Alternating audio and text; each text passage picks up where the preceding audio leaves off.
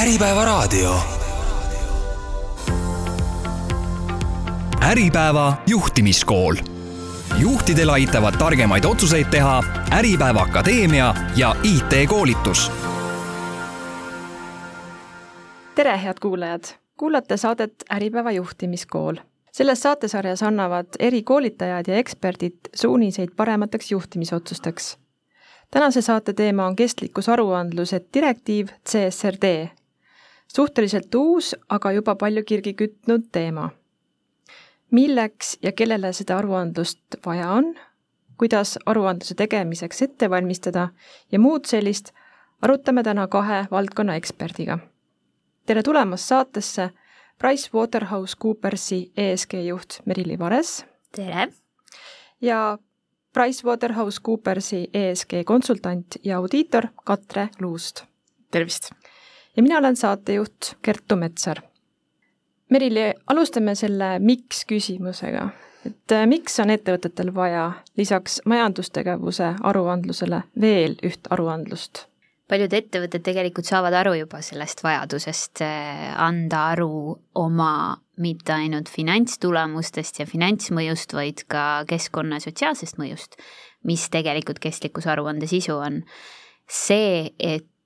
me teeme aruandluse äh, või see on nüüd Euroopa Komisjoni poolt välja antud direktiiviga tehtud kohustuslikuks, on ainult selles mõttes loogiline areng,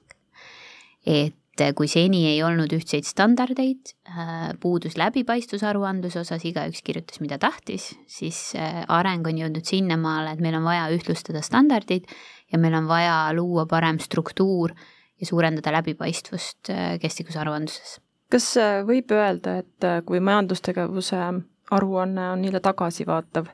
siis kestlikkusaruanne on nii-öelda ettevaatav? see on väga õige võib-olla võrdlus, et äh, kindlasti vaatab kestlikkusaruanne ka tulemuslikkust, aga ta pigem on suunatud täna ettevõtte strateegiate, eesmärkide, tulevikuplaanide äh, kirjeldamisele ja raporteerimisele rohkem kui sellele, et kui tublid me tegelikult olnud oleme. aga kellele siis äh, nüüd seesama aruandlus rakendub ja, ja millal? kohustuslikus korras rakendub ta kõigile suurettevõtetele raamatupidamisdirektiivi ja raamatupidamis, Eesti raamatupidamisseaduse alusel. suurettevõtted on siis ettevõtted, kellel on täidetud kaks kriteeriumit kolmest, et kas on varasid rohkem kui kakskümmend miljonit ja käivet rohkem kui nelikümmend miljonit või töötajaid rohkem kui kakssada viiskümmend, et, et nendele on see kohustuslik aastast siis alates kaks tuhat kakskümmend viis suurtele börsiettevõtetele, kus on rohkem kui viissada töötajat, on aruandluskohustus juba järgmisest aastast ehk kahe tuhande kahekümne neljandast aastast. ja lisanduvad ka veel viimase lainena väikese ja keskmise suurusega börsiettevõtted, kellel on aruandluskohustus alates aastast kaks tuhat kakskümmend kuus. Et siis selle aasta kohta tehtava aruande osas see kohustus äh, kehtib, et, et kuigi me kahekümne viienda aasta aruande esitame tõenäoliselt kahekümne kuuenda aasta suveks, enamus ettevõtted, et, et siis kohustus hakkab kehtima selle aasta kohta ja enne kui me läheme aruandluse enda juurde, siis selle CSCRD teema ümber tiirleb veel mitmeid mõisteid, mis vajaksid selgitamist. Üks mõistetest on taksonoomia, mida see tähendab ja mis suhe sellel, sellesse aruandlusse on? taksonoomia selles kontekstis äh, mõeldakse tõenäoliselt siis äh, rohetaksonoomiat või kestlikkuse taksonoomiat,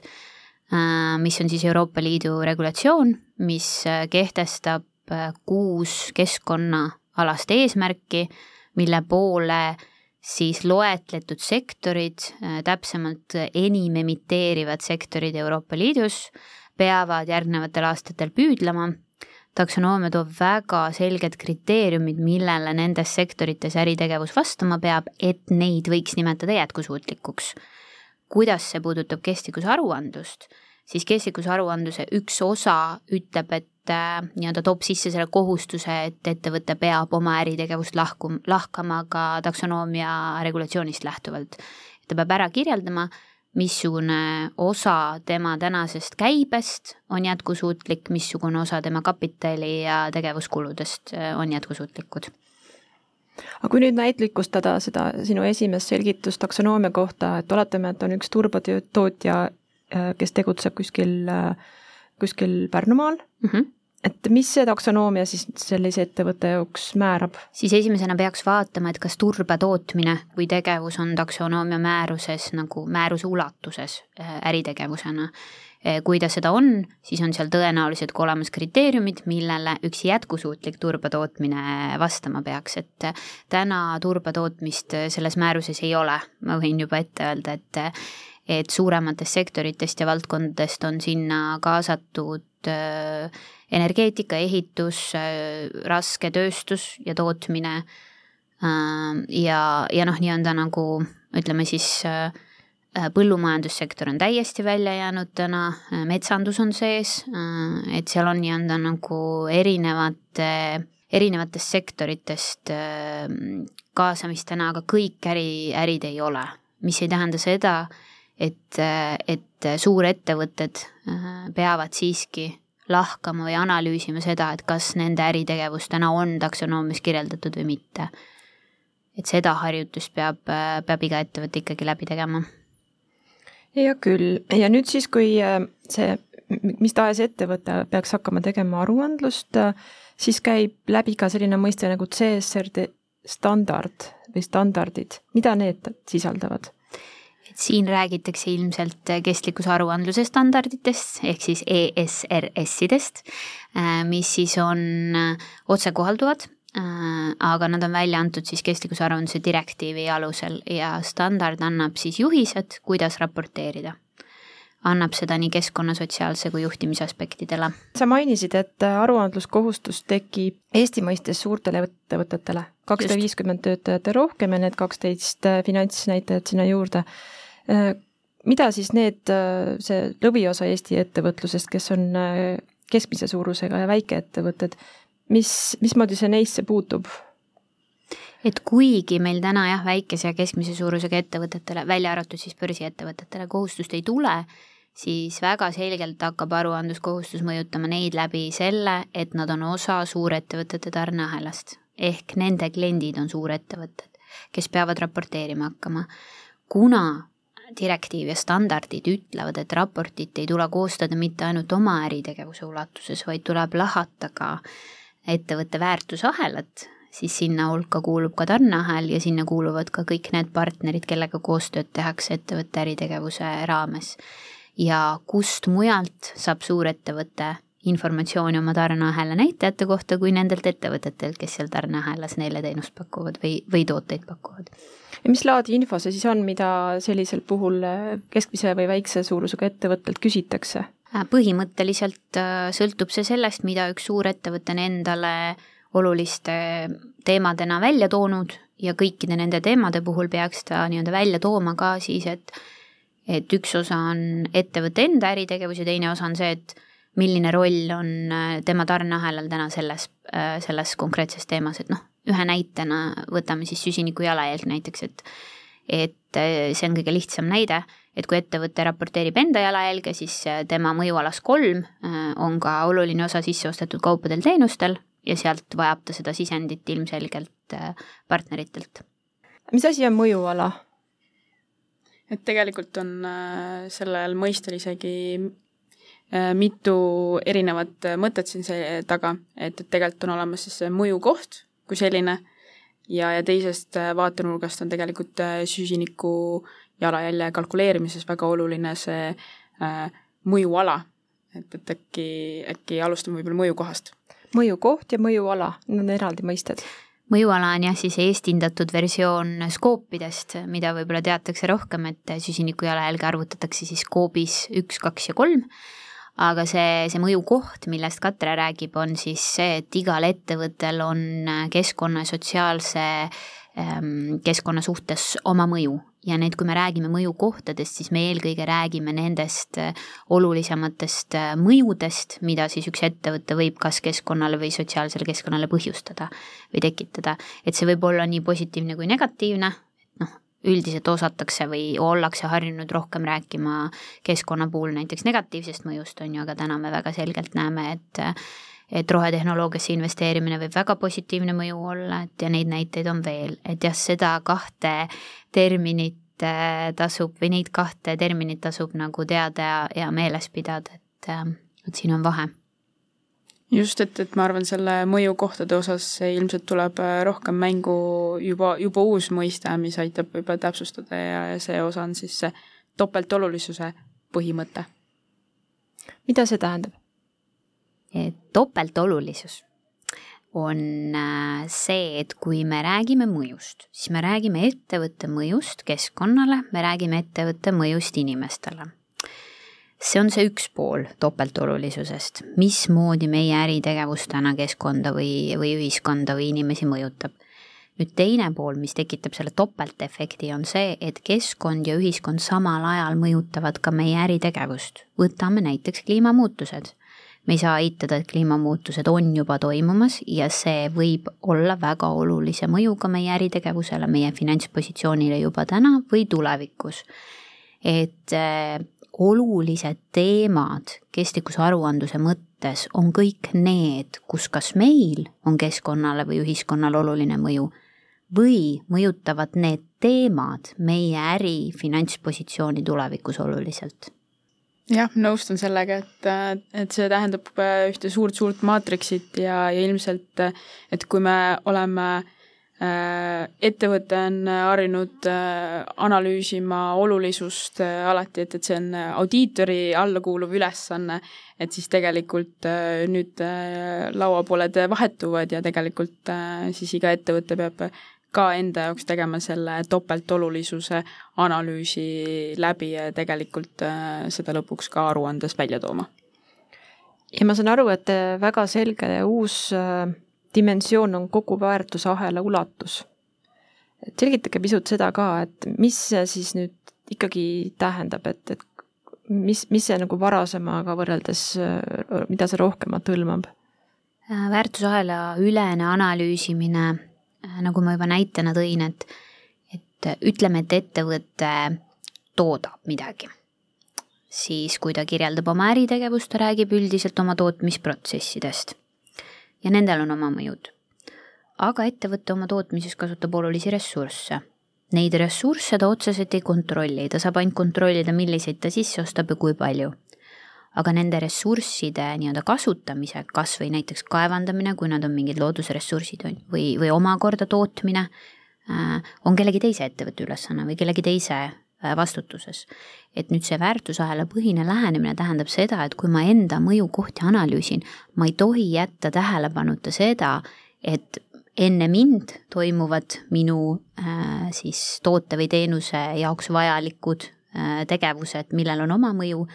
ja ka peale mind ehk et nii-öelda kliendi juures või siis nagu järgmiste ettevõtete juures, kuhu minu toode edasi liigub, on olulised mõjud et, et see väärtusahela ülene analüüsimine tähendabki seda, et mida ta tahab võib-olla nagu saavutada, on see, et me ei keskenduks nii väga ainult enda tegevusele, kuivõrd mõtleksime laiemalt oma tootele ja teenusele, eriti toote puhul, et, et me ei unustaks ära, mis ressurssidest me seda toodame ja kuhu jõuab meie toode lõpuks, kui ta elu, eluiga on näiteks läbi ja jäätmete, ja ta on jäätmed ja vajab äh, utiliseerimist, et et võib-olla see iseloomustab kõige paremini seda väärtusahela põhist äh, lähenemist. Ja mis on kindlasti täna üks selliseid aspekte, millega peaks ka varakult alustama, et, et täpselt nagu topeltolulisus on selline asi, mis on uus ettevõtte laual, on tegelikult ka väärtusahela ülene vaade, et, et üldse,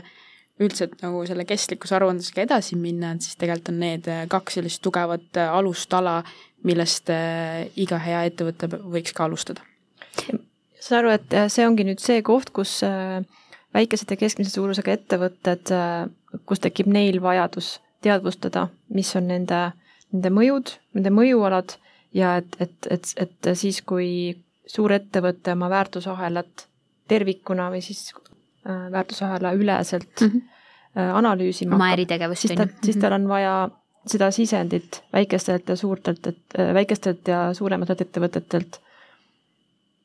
Et tihti, kuidas näide nagu sellest, kuidas väärtusahela üleselt äh, kaasatakse või analüüsitakse, on see, et kui ettevõte valib välja või teeb seda harjutust, seda nii-öelda topeltolulisuse harjutust, et millised on tema olulisemad mõjukohad, siis ta küsib sisendit oma tarnijatelt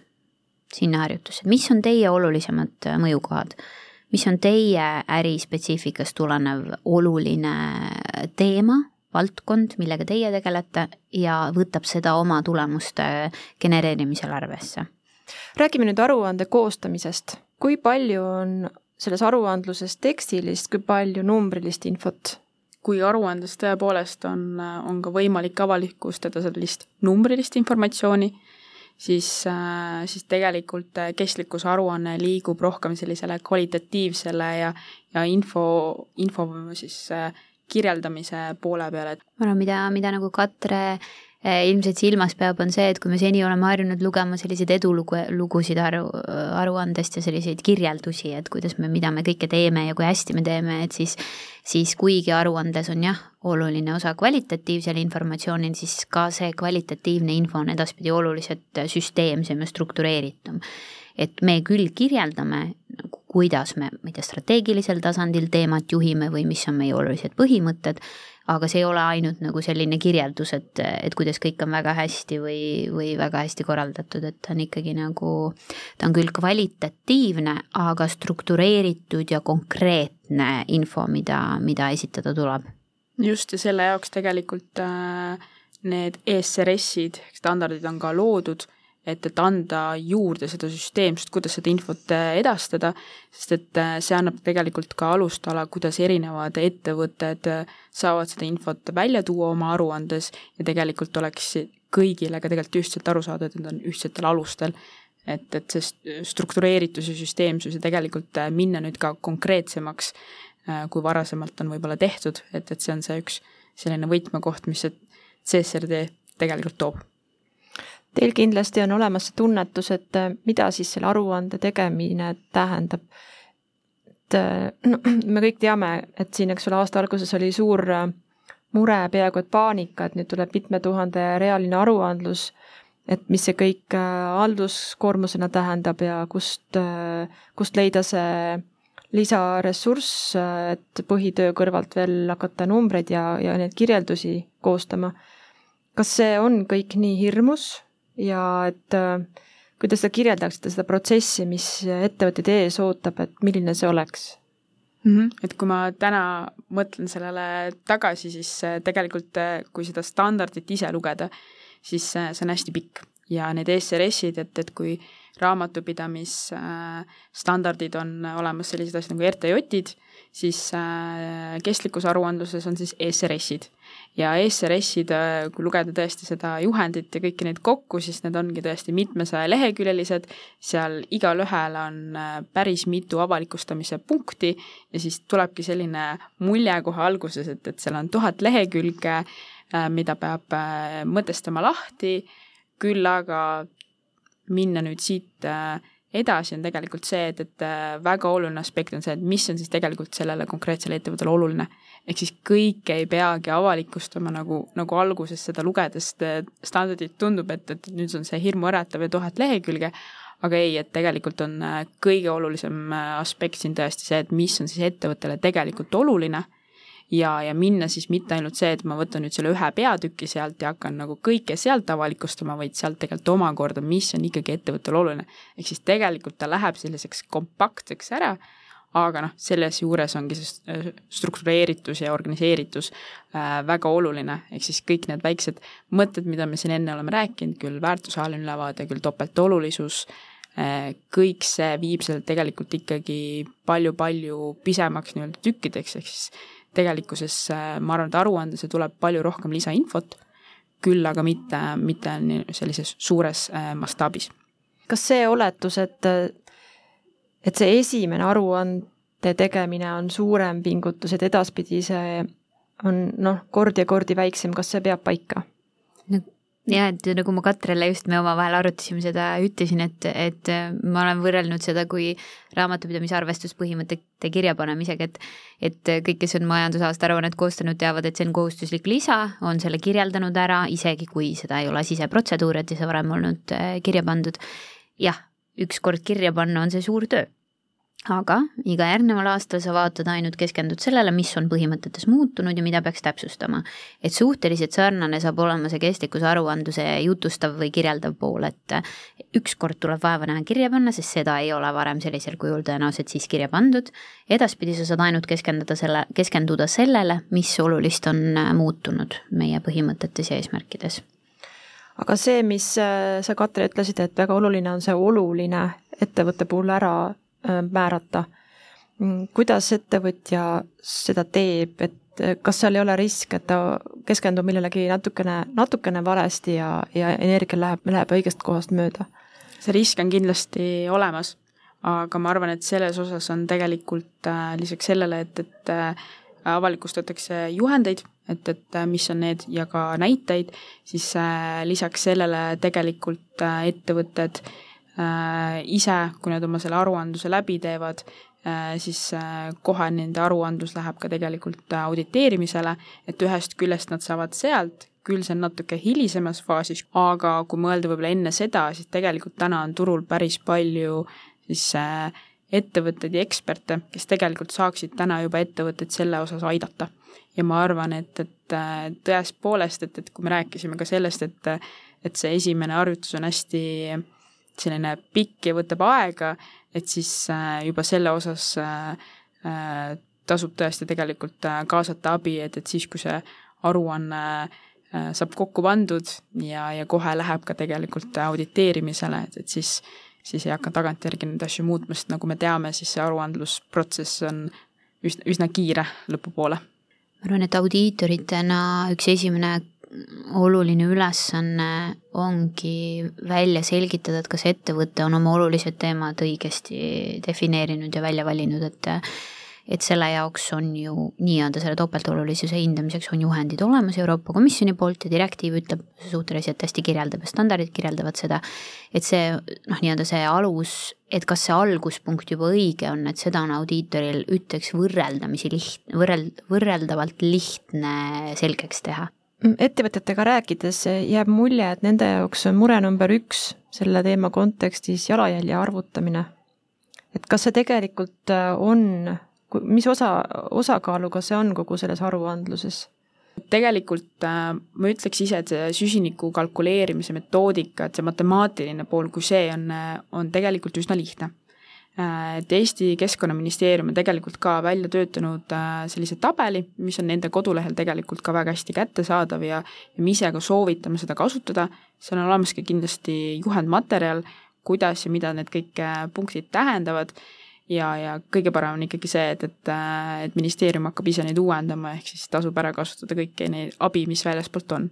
nüüd, kui küsimus on see, et, et mis on siis see nagu keeruline aspekt seal päriselt, on see, et milliseid andmeid siis äh, koguda ja mida sinna tabelisse panna.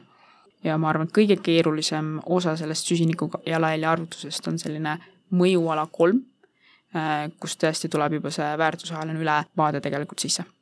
aga kui seal mõjuala kolm on äh, kliendid, kes ütlevad tõesti, laiutavad käsi, et ei ole, ei tea, ei oska öelda, et mida siis sellisel puhul teha, et kas siis on mingisugused mingid alternatiivsed lahendused või mingid indikatiivsed arvutused?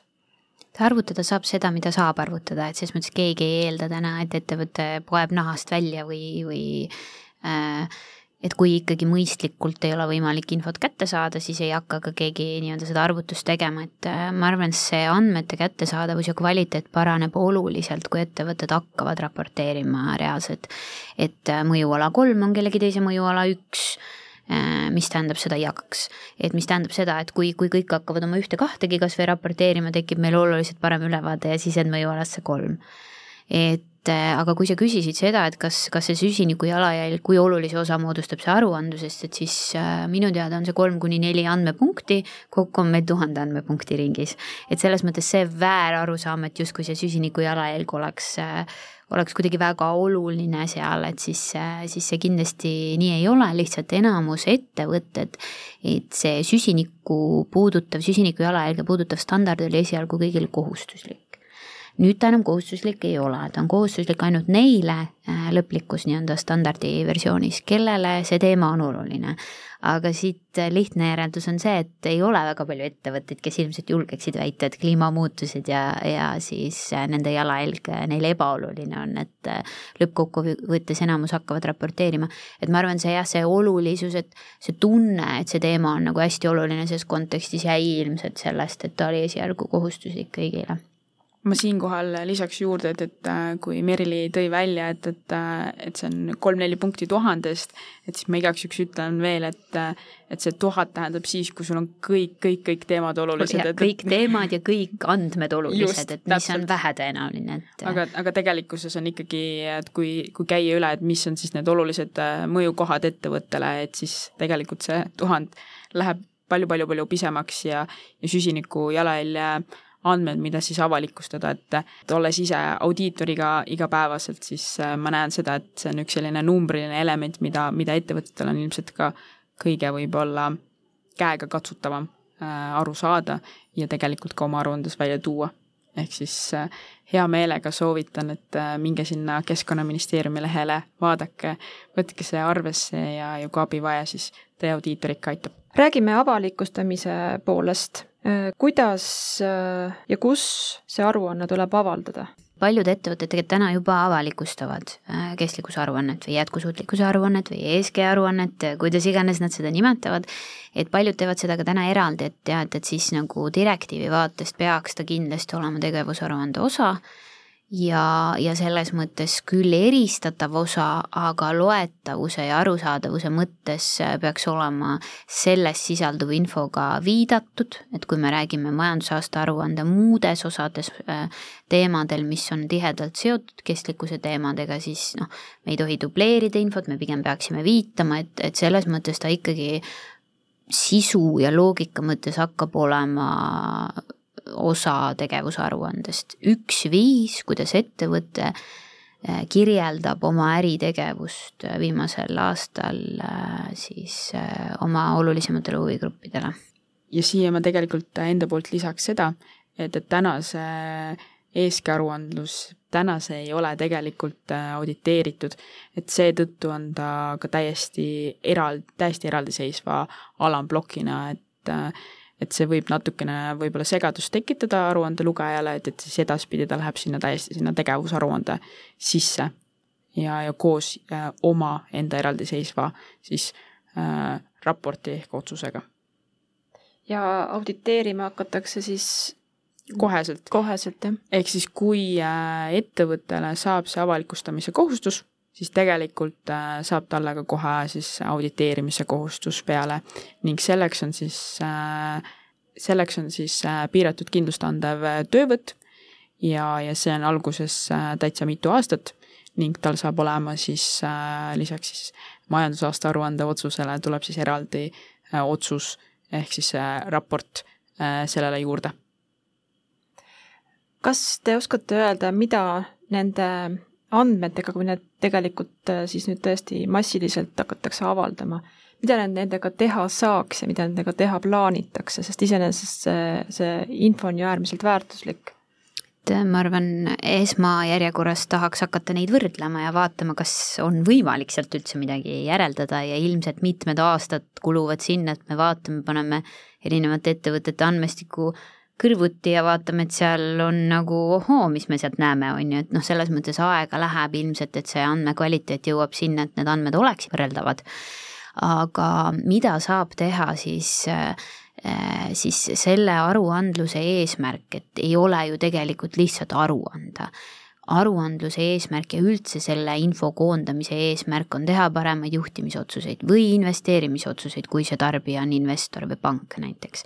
et nende samade andmete põhjal saavad teised osapooled teha oma, teha läbimõeldumaid ja paremaid juhtimisotsuseid ja kasutada neid numbreid kas siis oma analüüsimudelites või lihtsalt nii-öelda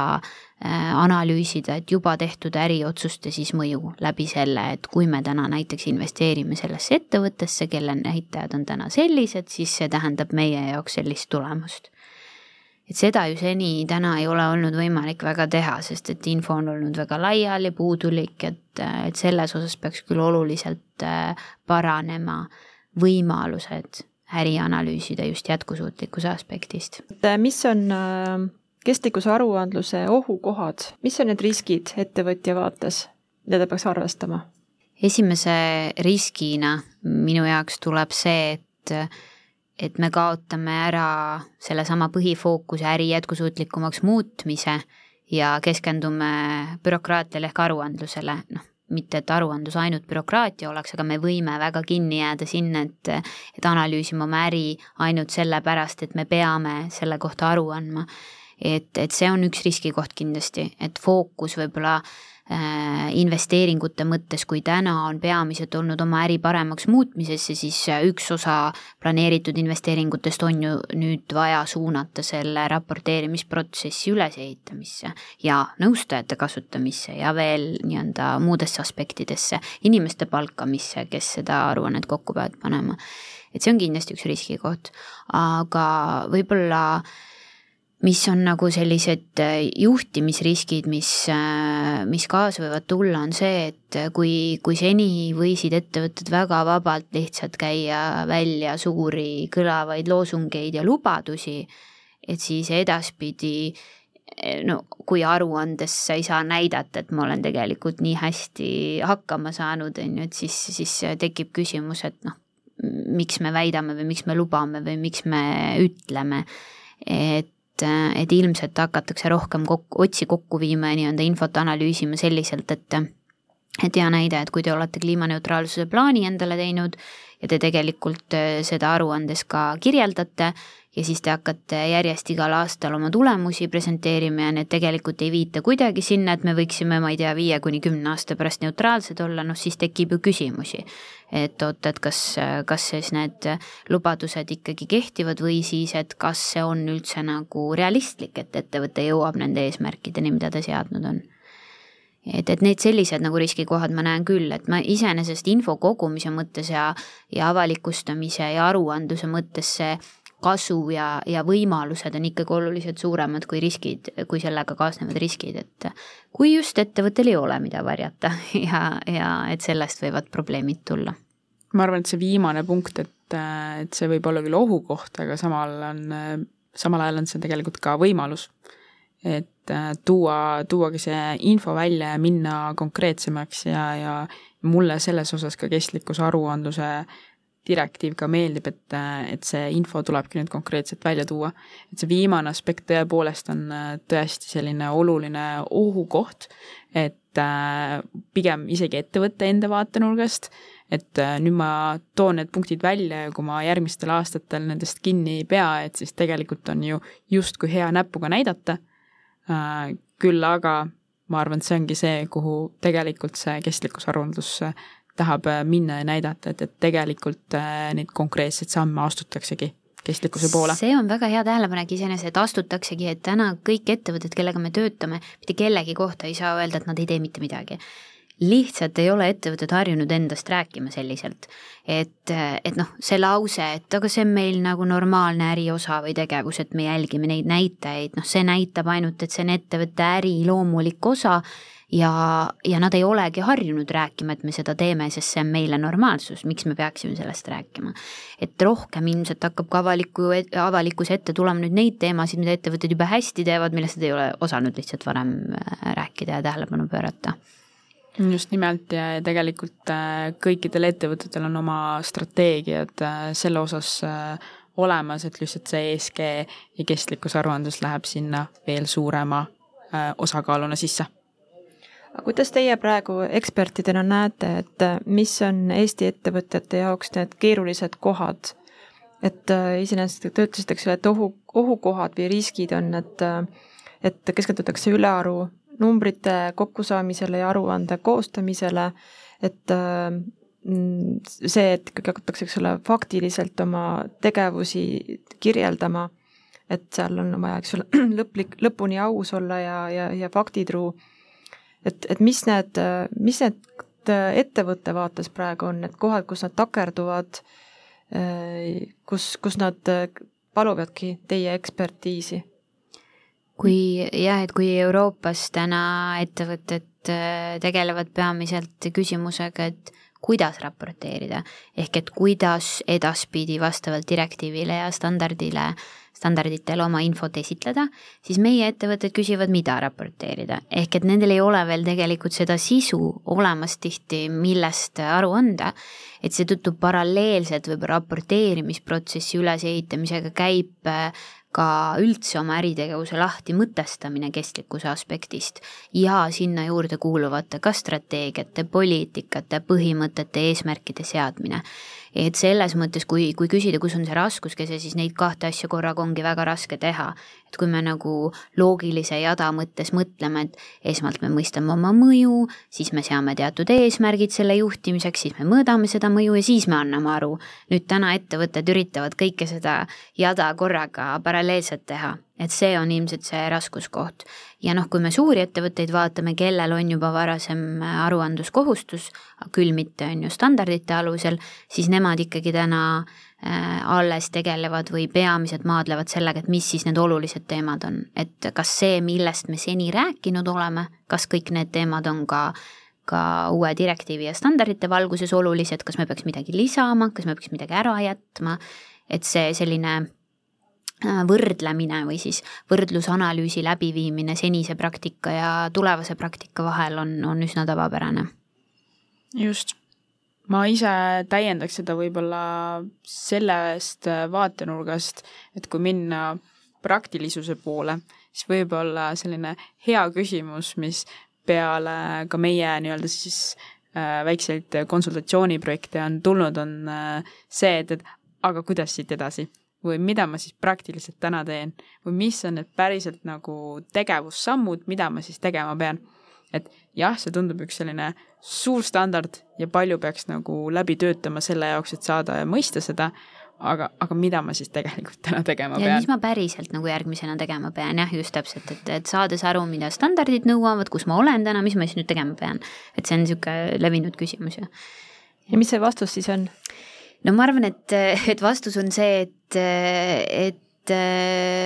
sa peadki nüüd hakkama looma neid asju, mida sa tunned, et sul nagu puudus on, et kui me ikkagi oleme, kui sa oled läbi analüüsinud oma tänased nagu protseduurid ja sa leiad, et seal on mingid augud sees,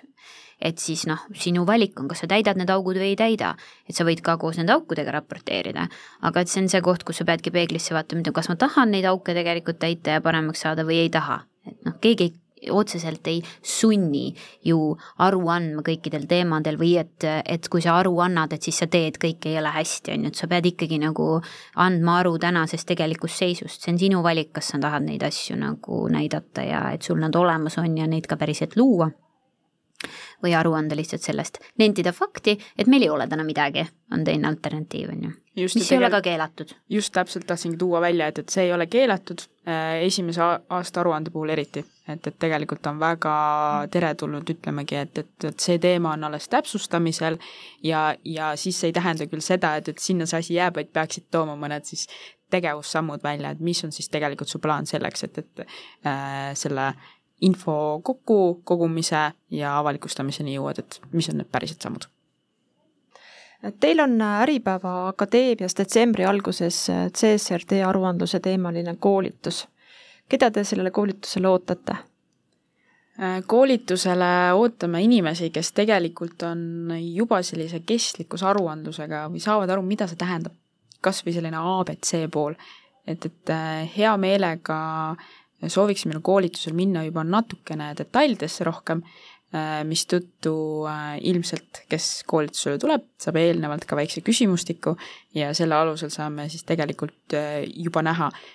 kas me saame veelgi detailsemaks minna. aga tõepoolest, et hea abc valmidus ja mis asi see on, et see on hea, kui on juba käes. aga mis profiiliga inimesi te ootate? mis, mis valdkonna töötajaid? Profiil on täna meil ESG valdkonnas või kestlikkuse valdkonnas väga erinev, kuna ettevõtetes ta võib olla täna kas turundusfunktsioonis, finantsfunktsioonis äh, te, tegelikult nagu sellel nii-öelda äriüksuse tasandil, et et võib-olla nagu kõige parem vihje on see, et kes vastutab täna ettevõttes kestlikkuse teemade ja siis eeldatavasti tulevikus ka nendest aruandmise eest.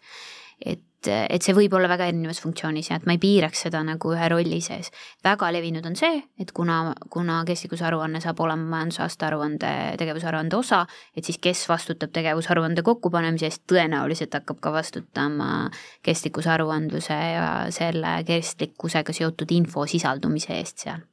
kui praktiline teie koolitus on, et kas koolituselt lahkudes on aruande põhi valmis? Et kui, kui lootus on, et me anname selle täida lüngad vormi ette, kuhu on vaja ainult numbrid sisse kirjutada, et siis kahjuks see nii lihtne ei ole. aga me proovime väga praktilises äh, võtmes äh, konkreetsete ettevõtete näitel, kust siis osalejad tulevad, selle jada läbi teha, et kuidas üks aruanne kokku saab, et kuidas leida need olulised teemad ülesse, mida nende teemade kohta aru anda ja, ja lahata võib-olla siis seda standardit ka sellest võtmest, et seda praktilist poolt avada rohkem, et noh, mida siis ikkagi tegelikult küsitakse ja mida peaks kirjutama aruandesse, et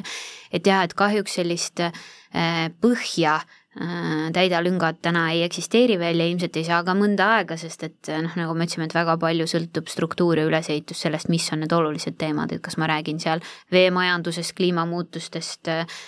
kuni elurikkuse ja sotsiaalsete aspektideni on ju töötajatest ja toodetest välja, et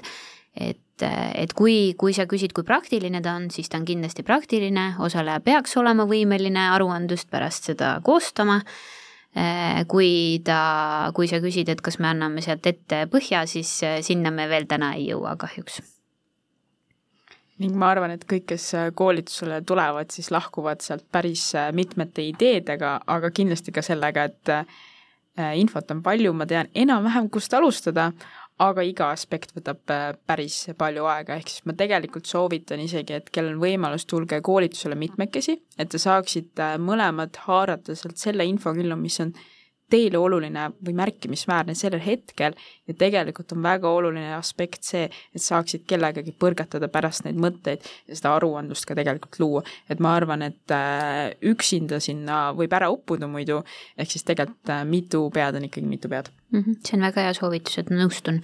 et ma arvan, ja minule isiklikult meeldib, kui peale minu koolitusi tekib rohkem küsimusi, kui enne oli, see tähendab seda, et midagi jäi külge ja huvi tekkis juurde ja soovi ja tahtmist edasi end arendada, et see soov ja tahtmine ainult kasvas. kui tänase saate jutud kokku võtta, ei teeks paha uuesti ära sõnastada, milleks see kõik? milleks on vajalik kestlikkusaruandlus? esiteks, kliimamuutused on fakt selleks, et äh, kliimaolukorra halvenemist tagasi hoida,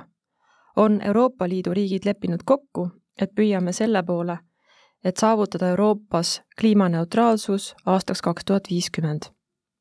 kliimaneutraalsus tähendab seda, et ei paisata õhku rohkem kasvuhoonegaase, kui ökosüsteem suudab siduda. selle nii ambitsioonika ülesande üks väga suur eeltingimus on see, et majandustegevuses toimuksid muutused, suured muutused teisisõnu, majandus ehk ettevõtted ja organisatsioonid peavad hakkama arvestama sellega, kuivõrd ja mismoodi nende tegevus mõjutab keskkonda ja ühiskonda. et Euroopa majandus kahe tuhande viiekümnenda aasta eesmärgi suunas liikuma saada ja et selle rajal ka püsida, on Euroopa Liidus niisiis vastu võetud Euroopa Liidu äriühingute kestlikkuse direktiiv, CSRD, ja mõju on selle direktiivi üks põhimõisteid Eestis puutub selle direktiiviga otseselt kokku ligi kakssada nelikümmend ettevõtet, kuid kaudselt tunnetavad selle mõju kõik ettevõtted, nii Eestis kui ka Euroopa Liidus. nagu tänasest vestlusest kuulsime, ei olda aruandlusele üleminekul ülearu range. aru saab anda nendest andmetest, mis olemas on. see, et osa infost on puudu, on mõistetav. aga siiski, eesmärk pole mitte aruandlus ise, vaid see, et majandustegevusest tekiksid muutused, et ettevõtted oma mõju ära tunneks ja kus saab oma tegevused keskkonnale sobivamaks muudaks. kui teile nüüd tundub peale seda saadet, et äh, on aeg hakata kestlikkuse aruandluse teemaga tegelema, olete oodatud äh, CSRD täitmise koolitusele. esimene selline toimub Äripäeva Akadeemias kuuendal detsembril. infot koolituse kohta leiate Äripäeva poest või Äripäeva Akadeemia kodulehelt. tänan kõiki saadet kuulamast. mina olen Kertu Metsar. Kuulmiseni kuu aja pärast